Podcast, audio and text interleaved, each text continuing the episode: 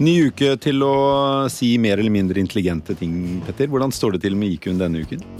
Ja, Den er jo aldri helt oppe på terningkast seks, men si at denne uken så er den kanskje en sterk firer. En sterk firer? Men vi skal jo diskutere noe i dag som virkelig krever at vi eh, setter fart på jerncellene. Ja, nå må vi eh, være taggad. Nå må vi, må vi fram. Men, men jeg, jeg, bare sånn, jeg, jeg fikk et bilde eh, som eh, liksom eh, kan være en intro til litt det vi skal snakke om. Det var uh, denne super Jeg hadde sett da en, en tror jeg var Netflix-serie om uh, paven, som var en asketisk, uh, nøktern fyr. Plutselig så popper opp et bilde i feeden min. Da står han altså i en en sånn pavetilpasset, hvit eh, balansiage med, med, med, med printer på, liksom. Mm. Og, og, jeg tenker hva i alle huleste har skjedd nå?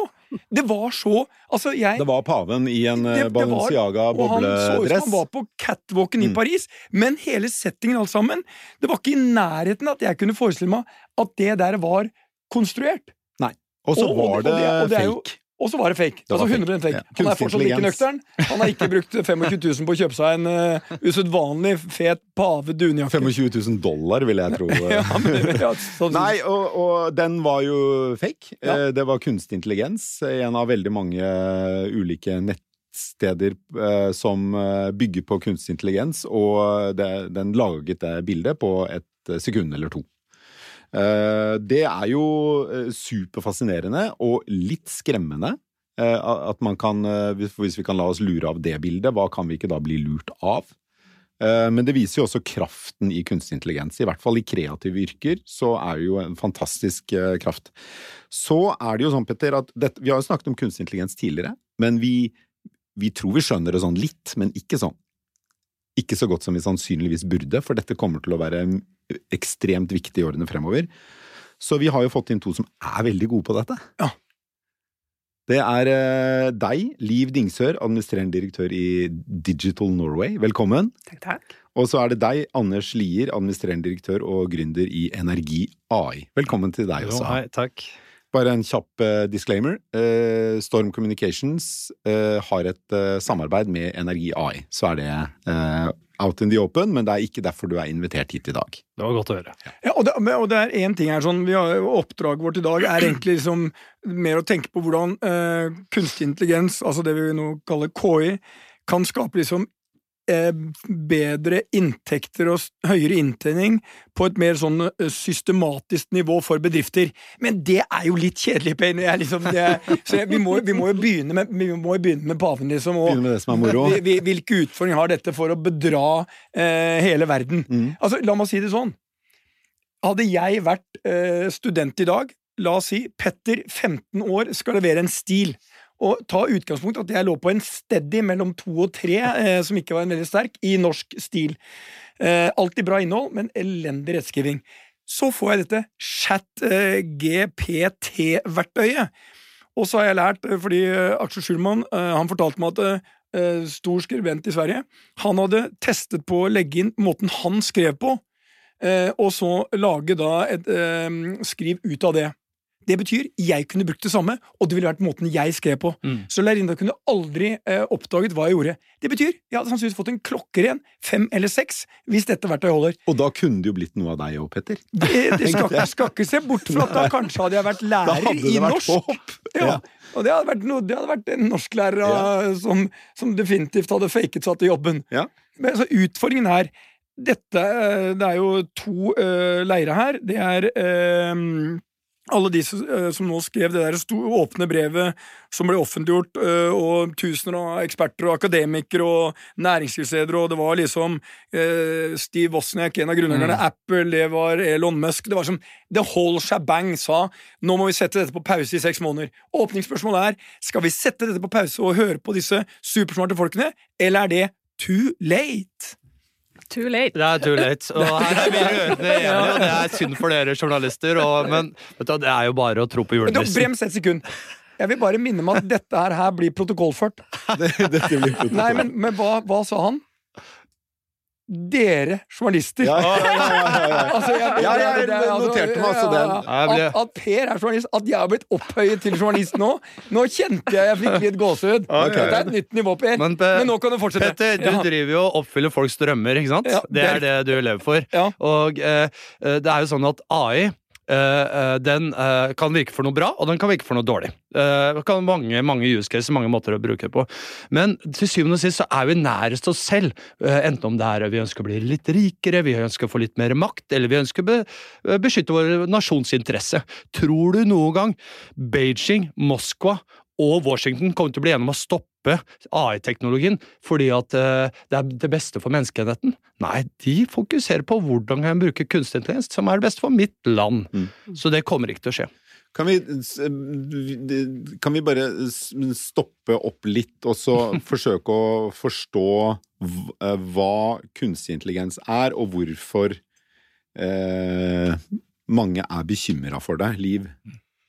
Altså, Kunstig intelligens kan jo brukes til veldig mye spennende. Jeg tror Det som gjør at vi er bekymret nå, det er at det er liksom ikke noe krav om risikovurdering når du utvikler den teknologien. Altså, Hvis du skal bygge en ny bro, så vil du åpenbart ikke liksom få lov til det før du liksom har gått gjennom risikoelementene i det.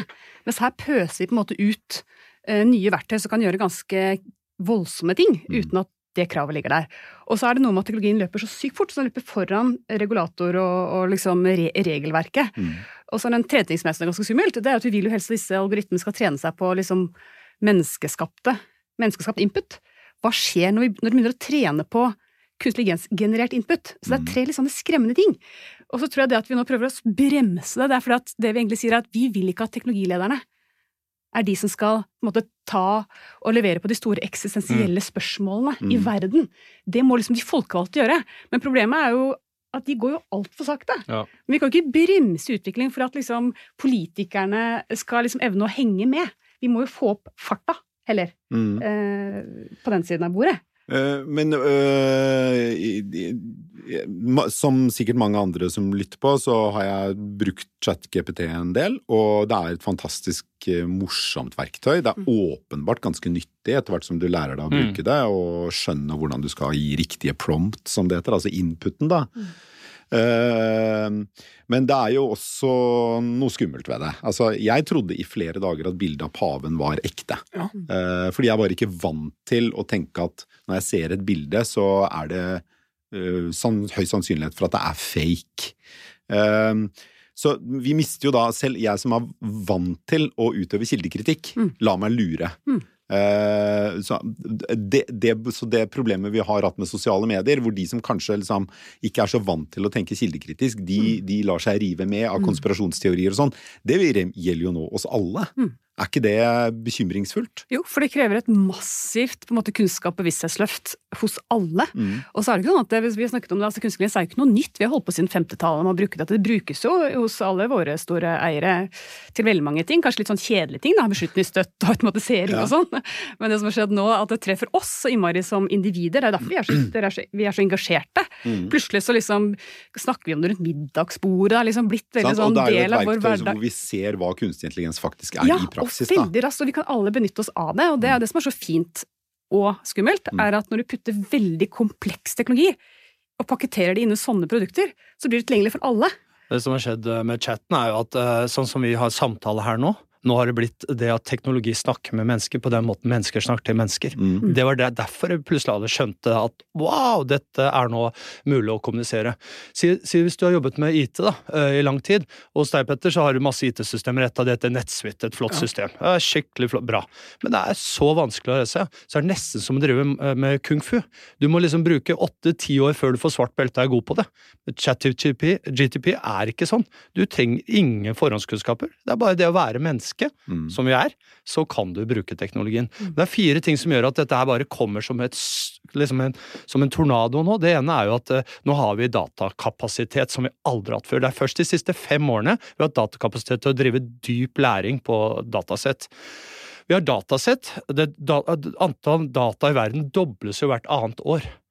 Og så har kostnaden ved å trene algoritmene gått med 99,2% de siste fem åra. Så det koster ingenting. Det er latterlig billig.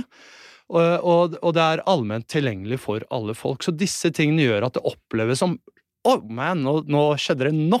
Men det har, det har startet i 1956, mm. men det er nå det er allment tilgjengelig for oss men, alle. Men Liv, har, ja, det er én ting du bare må forklare meg, for jeg, jeg klarer ikke liksom å, å få liksom hendene mine rundt dette dyret. Det er en sånn eksponentiell utvikling mm. av uh, det, denne kunstige intelligensen nå. Mm.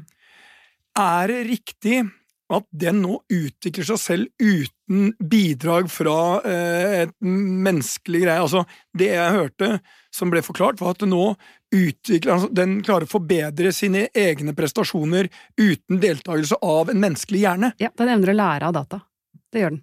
Den, Men den evner ikke å resonnere. Altså hvis du spør den hva syns du om, så vil det få dårlig svar, på en måte. Ja. Men den lærer av egne data, det gjør den. Men den tenker ikke som et menneske.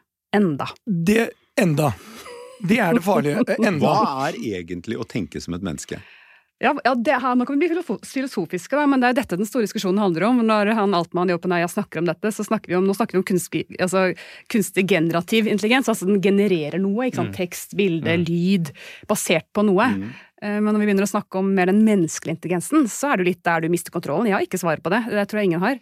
Men det er jo det man snakker om nå. Hva skjer hvis denne teknologien blir så smart at den måtte evner å bare resonnere videre? For det, akkurat det er stikkordet. Det er sånn når mister vi kontrollen? Når mister vi kontroll, og derfor er Det Det er jo en eh, veldig klok fyr som heter Ray Kurzweil. Han var leder for AI i Google i mange år. Han skrev en bok som heter Singularity. Singularity er det tidspunktet maskinen blir smartere enn oss. Han har prediktert at det blir 2029, og jeg møtte han både i 17 og 19, og han har holdt på at det blir sånn røftlig nærmere 2030. Men jeg tror det kommer til å skje tidligere, og at det er mulig å laste opp eh, vår bevissthet inn i skyen før den tid.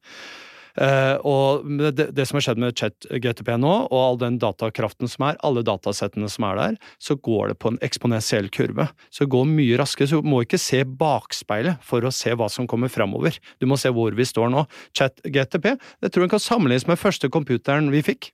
På 80-tallet fikk jeg min første computer. Den var helt ubrukelig, kunne ikke bruke det til noe som helst. Men du kunne så... bruke den til alt, føltes det som. ja, ja, men det var jo bare, du måtte jo ha doktorgrad for å skjønne hvordan du bruker regnearket. Backslash, backslash. Ja, ja. Jeg skjønte jo nesten ingenting. Og så bare fast forward til i dag, hvordan datamaskinene er i dag. Det er jo denne mobiltelefonen her. Sånn blir det med chat òg, men det går Det som da har gått år siden den første datamaskinen. Det kommer til å bli eh, dager og kanskje uker på den teknologien vi har nå. Når eh, du tenker på det, når et fly lander, så er det jo ikke piloten som gjør det. Han bare trykker på noen knapper, og så lander flyet seg selv. Mm. Det er jo en det er jo en form for kunstig intelligens i det, som bygger på masse data inn i mm. flyet. Mm. Mm. Men det hadde ikke funka hvis ikke piloten og myndighetene som regulerer luftfarten, aksepterer at en datamaskin kan ta over. Mm. Så er jo først og fremst en Altså man outsourcer en beslutning til eh, datamaskinen. Så er, data er beslutningsstøtte, ja, Liv. Mm. Sånn, og, og, så har man jo i flere år hatt muligheten til å ha selvkjørende biler, men man stoler ikke helt på at dataene inn er gode nok til å ta alle de riktige beslutningene. Og så er det jo mange etiske vurderinger mm. knyttet til det. Hvis du mm. har en småbarnsfamilie foran deg i veien, er det bedre at bilen svinger ut av veien og dreper deg som sjåfør? Stoler jeg på den, eller har jeg lyst til å dø, mm. øh, fremfor å skade eller ta livet av en småbarnsfamilie foran meg i veien? Den type beslutninger vil vi jo måtte ha mange flere av i årene fremover. Eh, du kan, du kan trekke den enda lenger. Da. Så når, når, eh, den kunstige intelligensen selv er seg selv bevisst, mm. og den må ta beslutningen Skal jeg kjøre den bilen av veien så jeg dør, mm. det vil si jeg AI dør, ja. eller skal jeg kjøre den andre veien så vi skader sjåføren istedenfor meg? Ikke sant? Så da blir det moralske dilemmaet blir på neste nivå. Det blir ikke mellom to så, mennesker. Der, det, det, det, blir både, der kom den overraskende. Det blir, både menneskelig etikk og maskinetikk. Da, ja, som, du, vet du, dette er ikke filosofitime, i hvert fall ikke for meg, da, for nei, jeg er men, ikke filosof. Men det er veldig lett å dra det over i filosofi. Ja, du kan jo det. Men tenk deg, da. Eh, du kan, uh, Eksempelet med pilotene. Det, kan, det, prøver vi å gjøre nå for klimaforberedende tiltak. Altfor mye CO2 i atmosfæren. Vi er nødt til å redusere temperaturen på kloden. Og dere, Petter, jobber jo sinnssykt bra med å på en måte redusere fotavtrykket deres. Det har jo Harald der som jobber med masse bra ting. Men vi må hjelpe alle bedrifter i hele verden til faktisk forstå hvor de står, hvor de har klimafotavtrykk, men mye viktigere hvilke tiltak de kan ha. Og det er nesten som eh, pilotene. Du får litt mer informasjon hele tiden, litt bedre informasjon, så kan du lande tryggere. For litt mer informasjon så kan du gjøre mer presise anbefalinger på hvilke ting du bør gjøre. Så det du sier er at uh, kunstig intelligens uh, kan være med å løse klimakrisen? Ja, 100 mm. Å ja, det var ikke engang 90. Det var liksom han smalt. Det var 100 Men du, Petter, Jeg liker jo det der. Det, det, var- det, det, Men Petter, jeg har vært og snakka med Kenneth hos deg. Du Ja. har jo så mange smarte folk. Og jeg Ja. var hos Strawberry og prata med han. De, de skjønte det med en gang. Dere er jo dypt inne i bruk av software for å forbedre klimafotavtrykk. Ja. Og det er det vi gjør. Og en av gledene og fordelene og det fantastiske ved norsk, er jo at vi er født inn i det mest avanserte energisystemet i verden. Ja. Det er en eksportvare som, eh, som gjør at vi kan egentlig lage globale løsninger. Eller ikke bare egentlig, vi gjør det. Mm. Og så er vi også født inn i en, eh, en region hvor vi har organisert samfunnet på, på en sånn måte at vi har et skår høyest på tillit, vi, det er fl- flott å leve her osv. Så, videre. så vi kan påvirke AI-en i en positiv retning ved den måten vi har organisert på oss på, hvordan vi har samfunnskontrakter og individuelle kontrakter. Så uh, det er det jeg tenker mest på. Hvordan kan, jeg er klimaoptimist og uh, teknologioptimist, og hvordan kan vi, Mm. du uh, Liv, med industrien og vi som driver startups, hvordan kan vi lage løsninger Mm. som skaper en bedre verden? Og så må vi jo tro, da, eller håpe, at det å liksom utvikle menneskevennlig og pålitelig AI, eller kunstig intelligens, sånn som vi ønsker å gjøre i Mm. Norge, også er et konkurransefortrinn for landet. Ja, det Eh, for vi må jo tro på det gode i mennesket på et eller annet nivå, da, ikke sant? for dette kan jo brukes på alle mulige måter. Det er ofte ganske vanskelig vi må vanskelig å tro på det gode i det. etiske, Ja, men vi må tro på liksom at det etiske kompasset i Norge, i hvert fall, for vi starter med oss sjøl, Men, er men, men til begge liksom, Liv, du kan jo ø, åpne her sånn. Vi er jo nødt til, når vi har diskusjoner her sånn, å komme innom det, er det. Vi har behov for noen reguleringer. Altså, Vi kan ikke la dette bare fortsette uten noe som helst form for reguleringer. Jeg ser åpenbart de enorme fordelene det har for bedrifter, for produktivitet, for sånn. Og jeg ser også at du kan bruke det innenfor innovasjon av ulike typer, fordi at Mm. den klarer å behandle enorme datamengder på veldig kort tid. Jeg ser alt det. Mm. Men allikevel så, selv om jeg er en mann som helst ikke vil ha så mange reguleringer, så innser jeg at vi må ha en god del reguleringer i samfunnet. Mm. Vi kan bare kjøre i 100 km på motorveien, eller 110 noen steder, og vi må kjøre i 30 i tettbygd, altså alt det der. Mm. Vi må jo ha noen regler her. Hvilke reguleringer må komme? Jeg tror det som, kommer, det som, som er mest krevende nå for bedriftene å håndtere, eh, det er dette med personvernet. Altså når du bruker personsensitive data, hvordan skal vi håndtere det eh, når dette bakes inn i et utall av modeller? Altså hvor mye informasjon er du villig til å gi fra deg, på en måte? Som individ Mm. som borger. Ja, Så det er ikke akkurat personvernet er ikke det ganske godt regulert her i EU? Jo, men hvordan du tar de det, dette, hem, Apropos hem, innovasjonskraft, da, ikke sant? At det at de blir usikre. Altså, Vi snakker ofte om det der, å få, ta ut potensialet i kunstig intelligens. Det, det er et enormt potensial. Vi har ikke, vi har ikke begynt engang Mm. å tappe. I hvert fall ikke i Norge. Og det tror jeg er to grunner til det. Det ene er at vi trenger kjempemye kompetanse vi jobber sammen om, for å se på hvordan, hva er liksom mulighetsrom for min virksomhet og min bedrift. og Jeg har ikke tid til å gjøre noe jeg med mindre det gir umiddelbar verdi for Mm. meg nå. Eh, Og liksom den misuse, ikke misuse, men misuse-biten. Men det andre er jo at vi blir redde for å gjøre feil. Det er personvern, masse på sikkerhetssiden det er jo kjempeskummelt, og alle disse etiske problemstillingene. og Det, det er et utall av disse som jeg mener at ikke hver bedrift kan drive og finne ut av sjøl.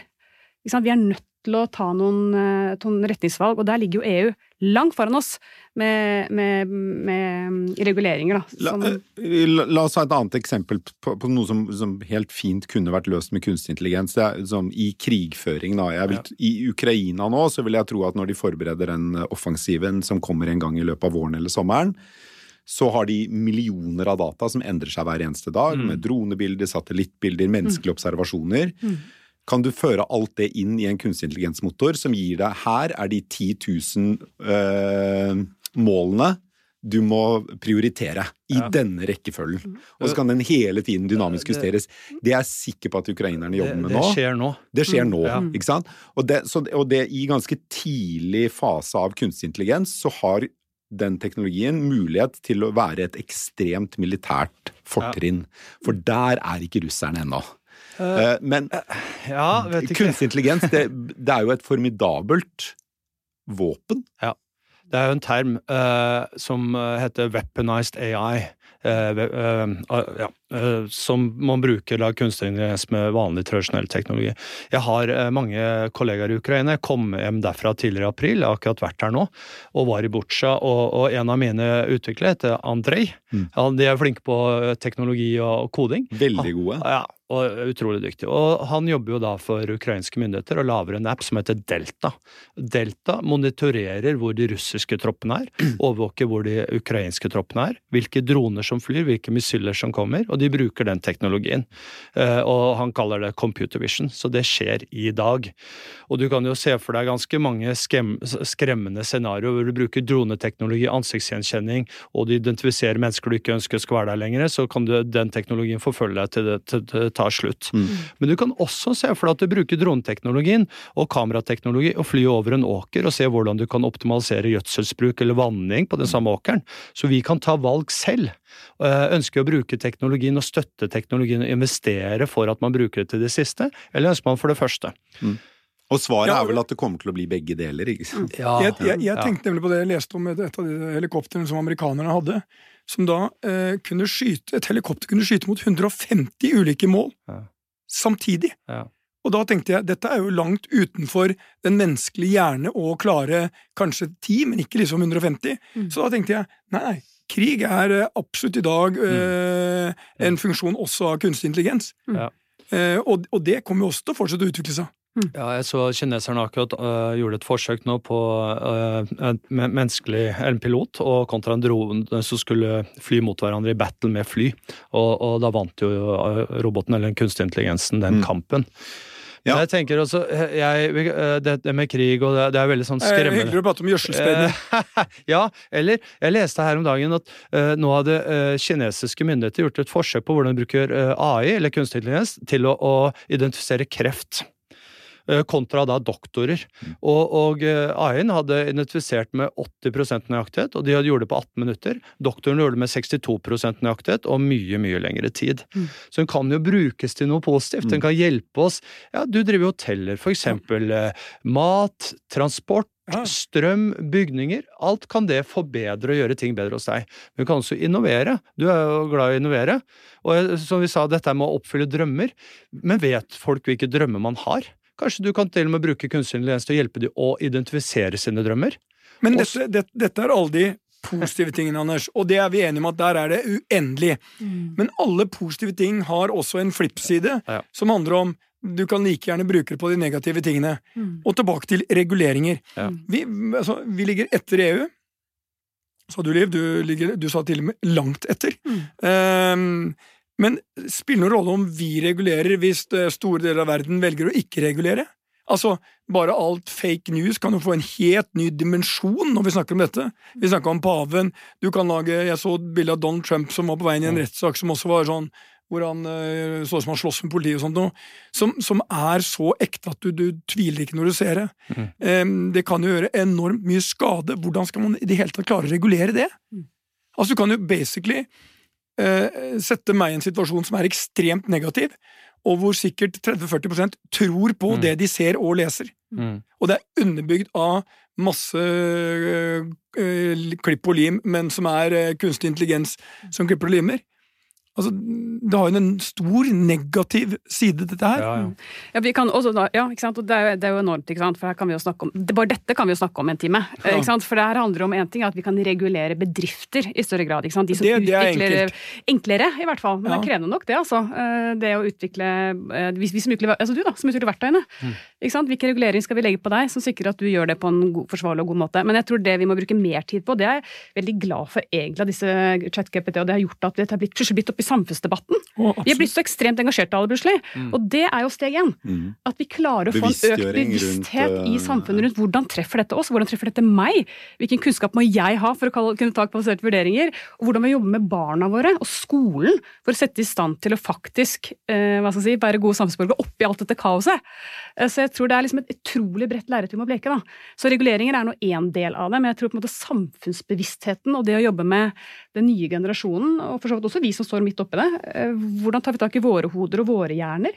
Vi er jo liksom ferdig utlært, mener vi, men så, eh, eh, Anders, du har jo helt rett, ikke sant? det kan brukes til veldig mye positivt også. og det er jo, Jeg forstår at du har jo mest lyst til å fokusere på de positive mm. sidene av det, men hvis vi liksom, jeg syns det er interessant likevel for å forstå kunstig intelligens, så er det hvor stort er det? Eh, fordi noen tenker at dette er bare veldig hype, vi har hørt mange mm. hype før. Mens andre mener at nei, nei, dette er en, dette er en virkelig game changer. Ja. Eh, så er det jo verdt å dvele ved nettopp også de negative sidene for å forstå Uh, og, og, grunnen til at jeg sånn umiddelbart tenker at Russland kan ikke matche Ukraina på kunstig intelligens nå, det er, for, det er, jo ikke fordi de ikke er smarte. Det er jo ikke fordi de ikke kan data, men en, en, viktig del av det er jo at du må ha de riktige eh, fysiske tingene for å bruke kunstig intelligens. Ja. Du må ha mikrochipper, du må ja. ha enorm lagringskapasitet, som Russland i stor grad er blokkert ut av. Og det er jo den sånn, geopolitiske store maktkampen som bygger seg opp mellom USA og Kina den handler jo i stor grad om tilgang på mikrochipper ja, som er så avanserte. Ikke bare hardware, også selve datastrømmene. Hvis ikke, ikke du får tilgang til datastrømmene, så får du ikke gjort så veldig mye. Og hardwaren, ja. ja. Sånn at neste kappløpet på våpensiden kan jo fort bli på kunstig intelligens. 90% av alle chips i verden blir jo produsert på Taiwan. Mm. Og, og, hvis vi begynner å tenke på risikoen ved eh, et kinesisk angrep på Taiwan, så ser du for deg da kan det bli en totalt meltdown når det gjelder alt computing power i verden. Eh, for da blir det en kontrollert av én nasjon. Du har helt rett. Eh, det er over 50% av alle eksperter innenfor chips er, sitter i USA. De sitter ikke i Moskva. Mm. Så, eh, men samtidig så er Moskva, eller Russland og tidligere Ukraina, de gjorde stort sett nesten alle hackerangrep i verden. Og trolling og angrep. Jeg vet, vi hadde russiske hackere som ja. kom til gruppen. Ja, ikke sant. Sånne folk. Så kompetansen har de, men de har ikke på en måte ut, utstyret til Nei, at, at, det skal skje. Mm. Men jeg tror at eh, sant, det kommer til å skje mer de ti neste årene hva det har skjedd i foregående hundre år. Mm. Og jeg, jeg, tror også at hvis ikke du er en AU-bedrift om ti år, så tror jeg du nesten ikke klarer å eksistere. Mm. Uh, og det, det, til, det, skjer en revolusjon nå. Uh, den har skjedd i en form for evolusjonshastighet, for den har ligget under overflaten, vi har ikke sett den. Og så kom den opp gjennom chat-GTP, mm. og nå uh, ser alle at den er der. Mm. Så du må kaste deg på vogna, du må bruke teknologien og, og gjøre det nå. Og så til spørsmålet om regulering. Det finnes jo lover. EU. I USA så har de lover som eh, eh, skal forhindre at folk bruker eh, data som skjevfordeler rettigheter til folk når de søker jobb. Og det finnes masse lover. Men samtidig så vet du også at du kan, du kan jo lage disse tech-løsningene hvilke som helst eh, eh gutterom hvor som helst i verden. Eh, for mesteparten kan du gjøre over internett. Mm. mm. Så, så, det er veldig vanskelig å regulere. Men se hva man har gjort med atomteknologi, da. Det har man jo klart å regulere og mm. blitt enige i alle nasjoner. Problemet er at det er en frivillig kontrakt, mm. eh, og det er vel utfordringen med AI også. Mm. Og det er jo interessant, for det, er, det, kan vel fort bli en lignende type regulering av kunstig intelligens som man har nettopp av atomenergiindustrien? Ja. ja. Men, men, ja. Jeg bare tenker liksom hvor Norge kommer fra, da, for mm. det er jo, dette er jo globalt kappløp. Mm. kan du si, og vi, eh, Det er jo noe å gå fra den der teknologi for uh, muskelkraft til liksom teknologi for hjernekraft, som mm. vi snakker mye om, og, og, Norge har vært veldig vant til den første. Vi er hele tiden, vi er veldig sånn prosessindustri, skipsfart, petroleum, eh, oppdrett veldig sånn, bruker klinger for å erstatte muskelkraften, mens nå er det liksom hjernen det handler om. Og USA og Kina ligger jo langt foran oss gjelder å ta i bruk teknologi eh, for forbrukermarkedet, som kanskje treffer oss Men, uh, Liv, grad. Der er jo Vi har en unik fordel, uh, Norge som nasjon i verden. Vi har alle sittet på nettet og vært gruvearbeidere for Google, Facebook. Vi har lagt inn søk, vi har lagt inn dataene våre. De har blitt rikere og rikere og fått mer og mer uh, ja, fantastiske AI-plattformer. Mm. Men det vi kan gjøre, vi kan bruke data som Norge har. Vi har jo åpne datasett innenfor energi, innenfor vær, innenfor ja, geologi osv., så, mm. så kan vi bruke dataene og sørge for å vi får demokratisert tilgang til våre egne data. Så bedriftene kan bruke våre egne data og tjene penger på det. Mm. Og så kan vi bruke dataen til å automatisere, fordi vi har nasjonale datasett som gjør at vi kan gi veldig spissede råd på nasjonalt nivå. Ah, ah, jeg, jeg, ser alle de positive tingene, og det blir sånn, men, men allikevel. Eh, man var jo bekymret for, eh, hvis vi går litt tilbake, ikke programmet Big Brother som tok uh, uskylden på TV. Men eh, man var jo bekymret for fenomenet Big Brother. Mm. Er eh, kunstig intelligens bare dommedagsversjonen av Big Brother? Ja og nei. Altså, det kommer jo litt an på, da. Eh, det, det, kan jo brukes det, altså, Jeg er også som Anders virkelig optimist. Jeg har tro på mennesket. Dere har vært veldig optimister her i dag. Det er ja, veldig nei, mye gjødselspredning og læring og nei, men jeg tenker klima. Det, det, det, letteste er jo å finne nedsiden. Jeg tenker, det er det aller letteste. Kan vi, vi kan alltid snakke om dommedag. Det er veldig lett med teknologi. Det kan brukes til forferdelig grusomme ting. Jeg tror det vi må bruke mer tid på, er å finne ut hvordan kan dette faktisk appliseres på en, på en positiv måte som gagner oss og samfunnet og bedriftene i Norge. Og det er ikke så lett. Eh, vi snakker mye om ja, de store eierne våre bruker teknologi, de, men det er altså en underskog av bedrifter. Vi jobber mye opp i Nord-Norge nå med å se på hvordan kan vi hjelpe næringslivet. Med å, å ta ut potensialet i disse nye teknologiene. Kunstig er jo en av de, men og, og, hvorfor skal de gjøre det? Jo, for det handler faktisk om at vi er nødt alle sammen for å klare å, mm. å, å bidra til en grønn omstilling. Punktum. Mm. Teknologi, altså Datateknologi ja, og grønn omstilling henger helt sammen. Jeg skal til Tromsø og møte Bjørn Tore og Markussen og gjengen i Sparebank1 Nord-Norge i morgen, og der hvor du allerede har jobbet en del. De har valgt å, å, tenke ok, hvordan kan vi hjelpe fiskenæringen, hvordan kan vi hjelpe SMB-bedrifter, kan vi hjelpe de å innovere, kan vi hjelpe de å redusere kostnader etc. Men det adresserer uansett ikke spørsmålet ditt, Petter. Det kan gå virkelig galt, eh, men det kan også gå virkelig bra. Og da tenker jeg litt på Magnus Carlsen. Han er jo en veldig kvalifisert eh, sjakkspiller. Og han spiller med optimisme, og han blir offensiv og bruker det aktivt inn i hvordan han vinner og blir best i verden. Mm. Sånn tenker jeg at det må vi må gjøre med AI også. Mm. Per, tiden renner ut. Ja, den gjør det. Uh, hva er dine tanker rundt uh, kunstig intelligens? Nei, det er, det er jo Jeg syns det er veldig vanskelig å oppsummere. Jeg, jeg øh, jeg, jeg, tror jo det kommer til å være et av de store teknologiskiftene til nå i verden. Jeg gjør det. Eh, nettopp den evnen til å håndtere millioner av data på få sekunder. Og komme frem til bedre beslutninger enn de vi mennesker er i nærheten av å kunne ta. Uh, uansett hvor god tid vi har. Det, det, det gjør at det, det kommer til å prege alle bransjer kommer til å treffe dem ulikt, men kom, mange bransjer kommer til å bli mye bedre av det. Jeg er sikker på at der ligger mye eh, innen bærekraft og bedre bruk av energikilder og ressurser generelt. Men også er det også en livsfarlig teknologi. Jeg ser for eh, de bedriftene vi er inne i, så er vi på full fart inn i dette allerede. Eh, og vi har et åpent sinn.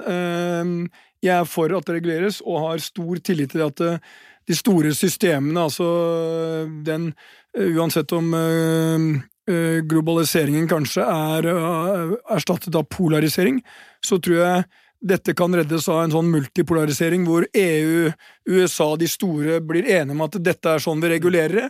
Så jeg er, ikke overraskende, ganske optimist både på vegne av kunstig intelligens hva det kan gi menneskeheten, og hvilke utfordringer vi har, mm. som det kan være med som et fantastisk verktøy å løse. Um, og så tror jeg de tingene som går ned i skoleverket, de håndterer vi uh, på en mye enklere måte.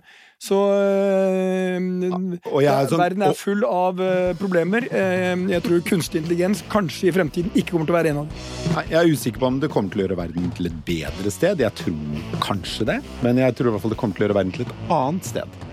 Jeg tror bedre, mm. Eh, og definitivt annerledes. Ja. Tusen takk for at dere kom i studio, Liv Dingsør i Digital Norway og Anders Lier i Energi AI. Og så snakkes vi igjen neste uke, vi, Petter. Det gjør vi.